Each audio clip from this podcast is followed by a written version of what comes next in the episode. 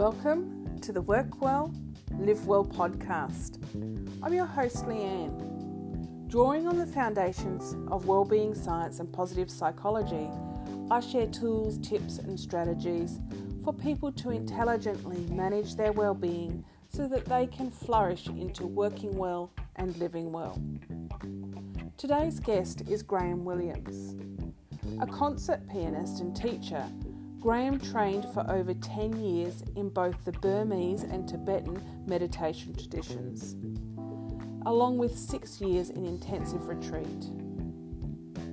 He has concentrated on bringing the advanced techniques of these incredibly rich traditions into an easily accessible form. Graham has created a uniquely Australian form of meditation which embraces the rich natural environment, Australian art, and music he is founder and director of the Life Flow Meditation Centre and has been teaching meditation for over 25 years. Graham is also an adjunct lecturer in the School of Medicine at Flinders University and a consultant to a national company of corporate psychologists and still teaches piano. Please welcome Graham.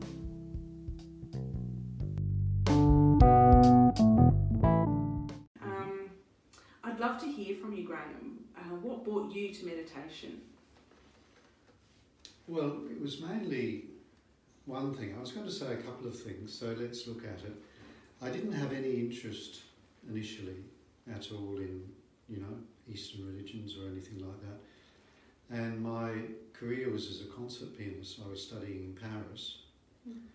And a friend of mine in the class just came up to me and said, Hey, I've got a teacher and you're going to be interested. He became a friend. He wasn't initially, I didn't even know him. So I thought it was all nonsense.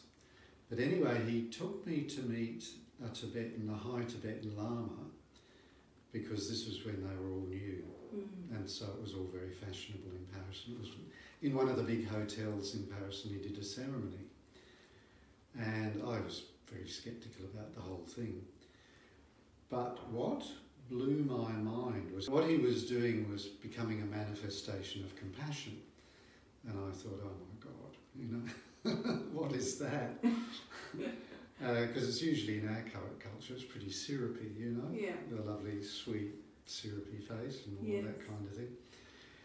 Anyway, so he did a mantra and went into this state I had never seen anyone in public do in my life because I'm trained as a musician, so, you know, working emotions in public is it was this deeply, deeply sad expression, and he wasn't acting. It was utterly genuine. That's what blew my mind. Wow. And then he finished and smiled, and it was all over. So I sat there and watched this man pick up an emotion of a really deep emotion, something I would never have associated with compassion. But afterwards, I realised, well, that's it. It's really true, you know, to mm. be able to accept the pain and suffering of human beings, this mm. deep, deep sadness. And then you just let it go and he finished. That was a skill I'd never seen in my life before. So I had been searching. I didn't come in like most people do through some health problem or something going wrong. Mm. I'd actually had opportunities in a career way beyond my expectations. So that's why I'm saying two things. One was I was looking for a spiritual discipline. I'd worked my way through all the churches and out the other side. Um, and I was with the greatest musicians in the world in Paris. Mm. And I kept seeing it didn't make any difference emotionally to people. And I discovered the same with me. It didn't matter how high you went or how much a genius you were. Yeah. People were still caught in the same emotional problems and depressions and and I was thinking, what what do we do? Yeah. Know? And then I saw this man who had this incredible emotional skill and knowledge, and I realised I had to learn it. Yes. And so that opened the door. Wow. And it was from the fact that having achieved everything I wanted to achieve and beyond, I discovered it didn't make any difference. Yeah. And through him, I saw the door. And so I then studied for 10 years in the Buddhist tradition Right. and learned it all and realised, yeah, this was it. Yeah. wow. The knowledge and skill and tools to be able to manage your own emotions, to understand how they work, to know how the mind works, and to keep it healthy and good and Mm. keep your state, your, yourself in a really good, healthy state. Yeah, and it's Yeah. very empowering to have that knowledge, isn't it? Absolutely. Yeah. And I think it's essential. And as we say in all our classes, you know, in our culture, different cultures are different. In Mm. ours, the knowledge of science, technology, of the body, the physical world is absolutely phenomenal. Mm. And we get a good mental training at school. Mm. And then you ask yourself the question, how much emotional training do we get? Mm. Yes. That's the answer. Yeah. I asked a group of 60 teenage school kids once, and they sort of looked at me puzzled, and then one kid said, Well, you wing it, don't you? And I went, That's the right answer. Well, that's Yeah. a tragedy. Yeah. That's a tragedy. Yeah. So I realised here was a tradition Mm. that knew how to do this. Their weakness is physical. they Mm. don't look after their bodies. Yeah. Yeah. But um, and the Dalai Lama, for instance, didn't happen by chance. he had Yeah. been trained since the age of six. yes. And people don't realise it's simply like looking after our bodies. We don't think that's wrong or artificial. Yes. But you say, well, you can train your emotions and look after them. People think, oh, well, that's, that's a bit fake. That's not real. Yes. No, it's not. It's learning how to keep them healthy. Yes. And that's why I got involved. Yeah. And that's what I discovered. Oh, that's a lovely story. Yeah, and it's lovely sitting here with clients, you know, Yes. that I tell them I'm going to give them an emotional toolkit Yeah. and they walk out and say, wow, you know, I can actually do this, I can do something about this, it's not a mystery. Yes. Yeah, Yeah. I think that's one of the wonderful things when when um, people uh, who haven't um, haven't um, experienced meditation Mm. before um, to see uh, them start to build that wisdom yeah. is um, is beautiful, isn't it? Oh, it's wonderful. Yeah. And realise that we don't have to leave emotions to chance. Yes. They don't just send from on high, Yeah. that we actually can manage them Yes. and look after them, Yeah. keep them healthy, the same as we do with our bodies. Yeah. Yeah. Yeah. Yeah. Thank you. Hmm. Um, why uh, is meditation an important well-being tool, and uh, how does that contribute to well-being? Well, that's the tool. Mm, Now, let me go into a bit of detail here because you can use, a lot of people don't realise you can use meditation and mindfulness in three different ways. mm, One is therapeutically, that's the most known and most popular one, of course. You can also use it for personal development and for spiritual growth. mm. And even practitioners don't realise they're different goals and you use them in different ways. So you need to really know what you're using it for. So for well-being and health, you're using it to keep yourself in a good state, to build a healthy sense of self, you know. Um, for personal development, you've achieved that and want to open up things that you haven't developed yet. Mm, Uh, for spiritual growth, you're learning to go beyond yourself. mm, So it's a totally different goal. yeah. Um, now, having said that, what meditation gives, it's the one tool where you can turn in and actually become aware of what's going on, on inside of you, your own sensations, your feelings, your thoughts, your emotions. And that's what it's specifically designed to do. Mm, That's its purpose built, you know, yes. design. Yeah. That's the only thing that can do that. Yeah.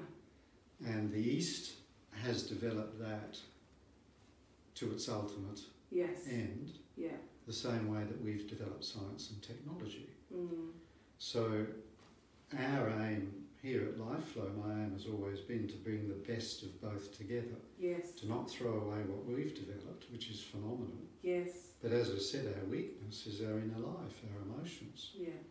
is to be able to learn the tools from the East and learn how to use them well. In fact, the Dalai Lama put it very well decades ago when he, he was asked what can the West and the East bring to each other. Mm. He said it very simply, what the West can give the East is hospitals, right? So Yeah. there's the knowledge and technology, and what the East can give the West is meditation. Yes.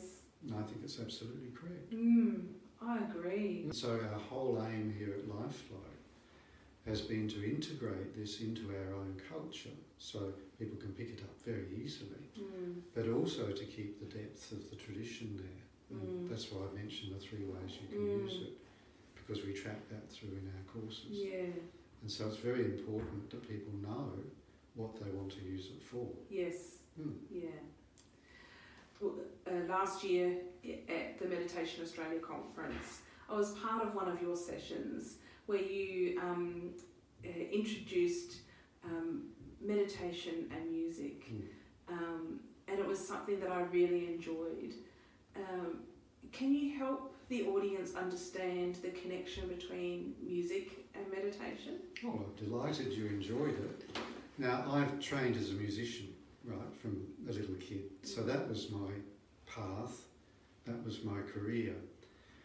When I really started to understand meditation, I realised the one true tradition of meditation in our culture is music. Mm. It's not working on yourself though, but it, music is where directly without words you go straight to creating emotions. Yes. And so as a musician you get to play every emotion there is, to build them out of nothing, you know, and to Mm. take an audience with you uh, so that they get to experience uh, uh, the breadth and width of emotion which isn't possible in their ordinary life. Yes. And I discovered that they're taught in exactly the same way. So I'm talking classical music training Yes. where you have a teacher, you are given exercises, you go away, you practice, you come back, they're tested, and then you gradually build up a repertoire, the whole knowledge and the skill of being able to do this. Yes. But what I discovered is, of course, it doesn't affect the musicians themselves. like a conductor friend of mine quoted, you know, why is it that music soothes the savage beast except for musicians? Which is absolutely true, Yeah. because they're doing it for the audience. So I thought, well, why can't you do this for yourself? Yeah. And that's one of the questions that led me into this, where I discovered you can. Yeah. So, in it's not the same now for people, you know, learning therapeutically on an app or go to a class or something like that. Yes. But if you really take the training on, Mm. so you start to move into personal development or spiritual growth, it's useful when you're doing it therapeutically as well. Mm. Is you need a teacher, someone who's been there, who's done it. Um, same as if you learn music or golf or sport, someone you feel it from, you know, who you're with, who can check you. And uh, in the East, that's the way they taught it, Right. exactly the same way. Mm. So I realised then, when I discovered all that, that's how I worked with my teachers, Yes. Um, is that music is the one thing that's survived in our culture that's dealing with our inner life and emotions, where you can practice them Mm. and where there is the knowledge to do that. It's just that you're doing it to perform, you're not doing it for yourself. Yeah. Whereas meditation works exactly the same way, except you're doing it for yourself. Yeah. So that's the link. Yeah. And and music can um, music can be very moving, can't it? Uh, uh, That's its function, is Yeah. to do that. yeah, Yes. it's just um, um, it. Well, I've found from in time to time where I've been taken by surprise by you know by the music I've listened to, Mm. and I've ended up in tears Absolutely, or yeah. um, you know something like Yeah. that. Yeah. Um, you know that that whole uh, journey that you take Mm. with music is is can be very powerful. Absolutely, Yeah. it is. So when an audience goes to a concert, they are actually meditating. Yeah. As that's I really mean it when I said it is the one true form of meditation in our culture. Yeah. You're in a meditation state, and musicians have to be in a meditation state to perform. Mm. And then you're going on that journey together Yeah. to experience your own emotions, you know, Yeah. And they're being created Yeah. through the music. Yeah. Yeah, so that's exactly what it's designed to do. Yeah. So it's a wonderful. We actually teach it as one of the ways to meditate. Right. Hmm. We show people how to use it. Wa- Oh, wonderful. Yeah. It's very simple. If you find some favourite music, Mm. the problem is we're surrounded by it all the time, so people don't take any notice. Yeah. But we, we use it as an informal meditation, so people can realise that when you really listen to music, Mhm. you are meditating. Yeah. So the easiest way if people have a favourite piece of music is to sit as you would in meditation or lie on the floor Mm. and then really open up to the sound of it because you Mm. can feel it in your body if you become aware of it. And that's how you can start to use it consciously. Mm. If people want to experiment uh, with using music as a meditation tool, what's the best way to start? Well, I think the best way to start is with your favourite piece, of course. Yeah. Um, then the difference is that music, for most people, is a background. It's just there all the time. They don't really listen to it.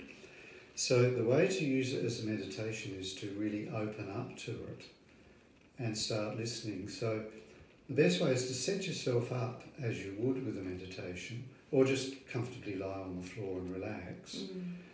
and then open up to the actual sound of the music. So you almost let it wash over you Mm. and you'll start to become aware of the effect it's having on your body because music bypasses thought. It's not like English, it's not going to your thoughts.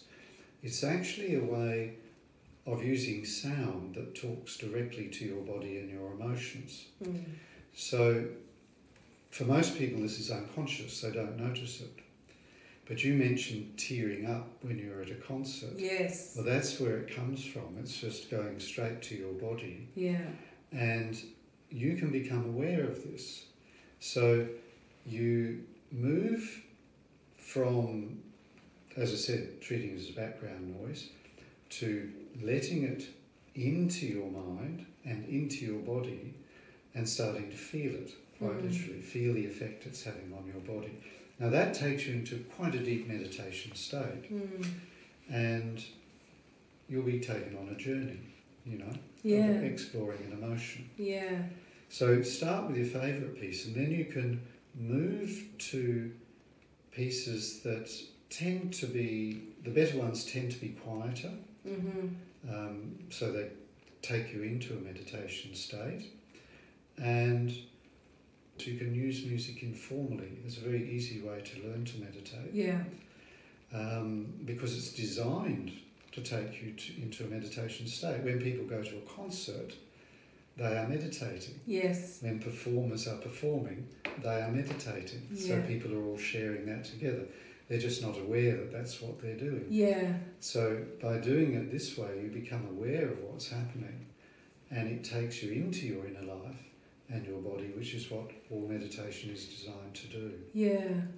Um, a question on the music. Um, is it only classical music that you would use as a meditation? Like, um, if, if there were songs and, and um, you know, songs and music, does it have the same um, impact? Absolutely, yes. Yes. the answer's easy.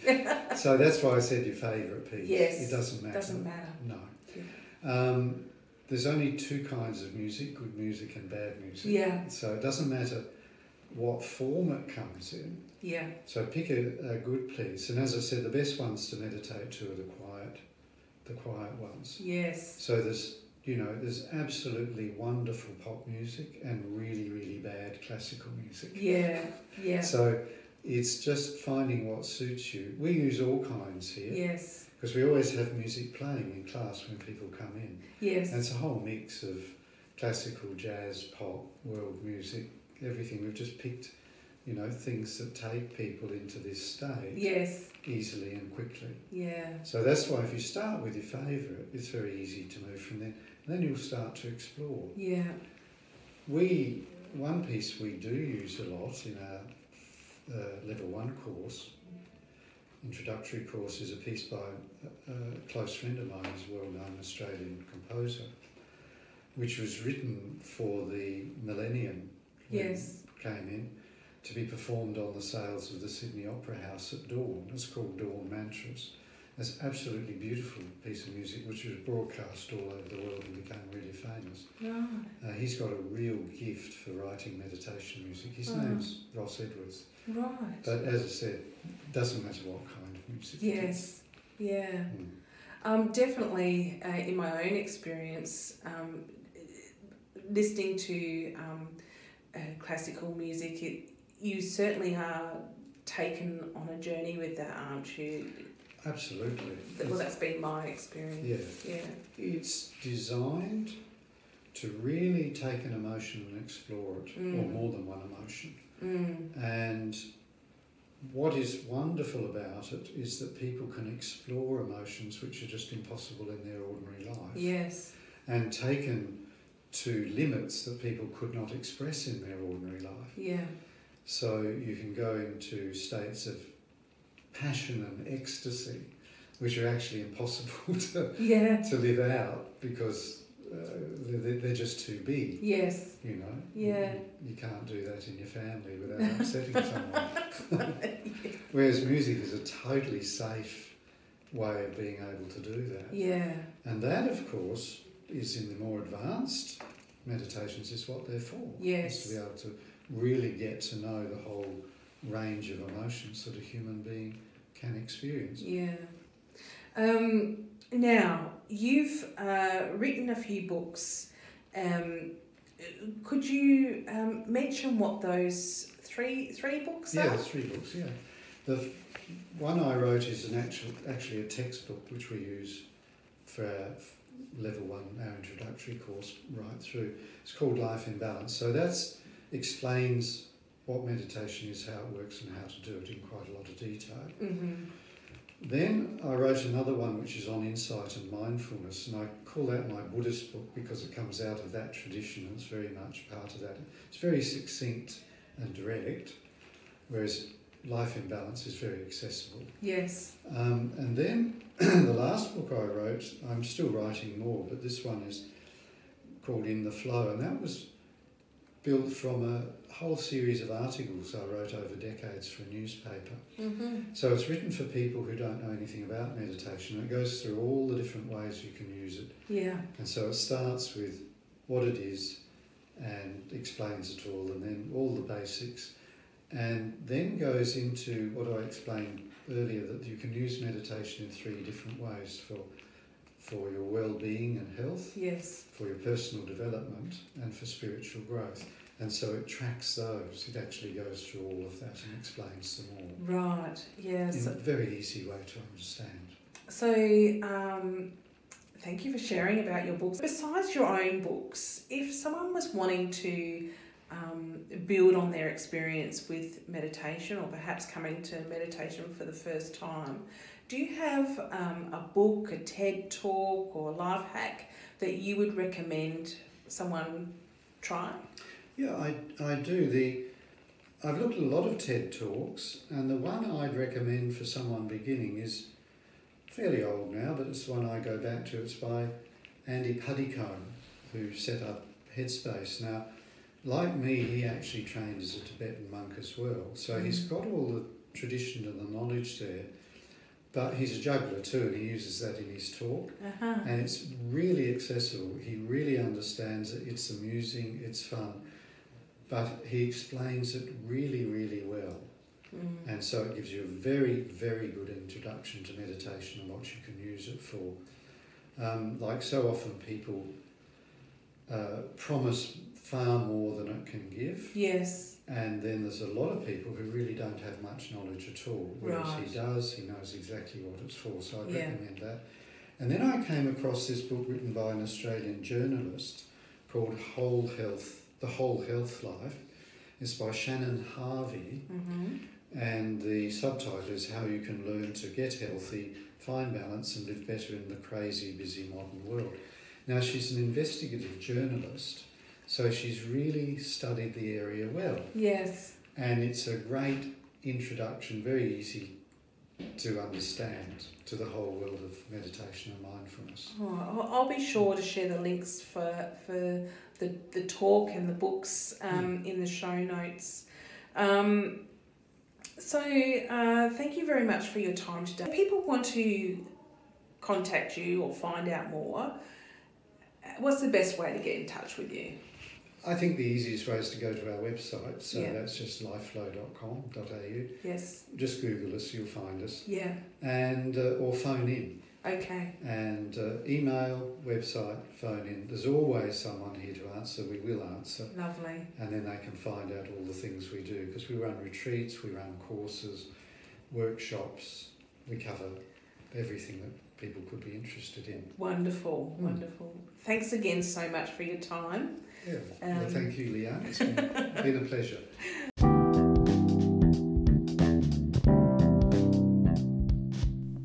And thank you for joining me. You'll find links to Graham and his books in the podcast notes. If you found this podcast of benefit, please share it with someone you think will benefit too. I love to receive your feedback and would be grateful if you could rate my podcast in iTunes. I invite you to connect with me through LinkedIn and Facebook. Thanks again for joining me. Until next time, wishing you well-being. Bye for now.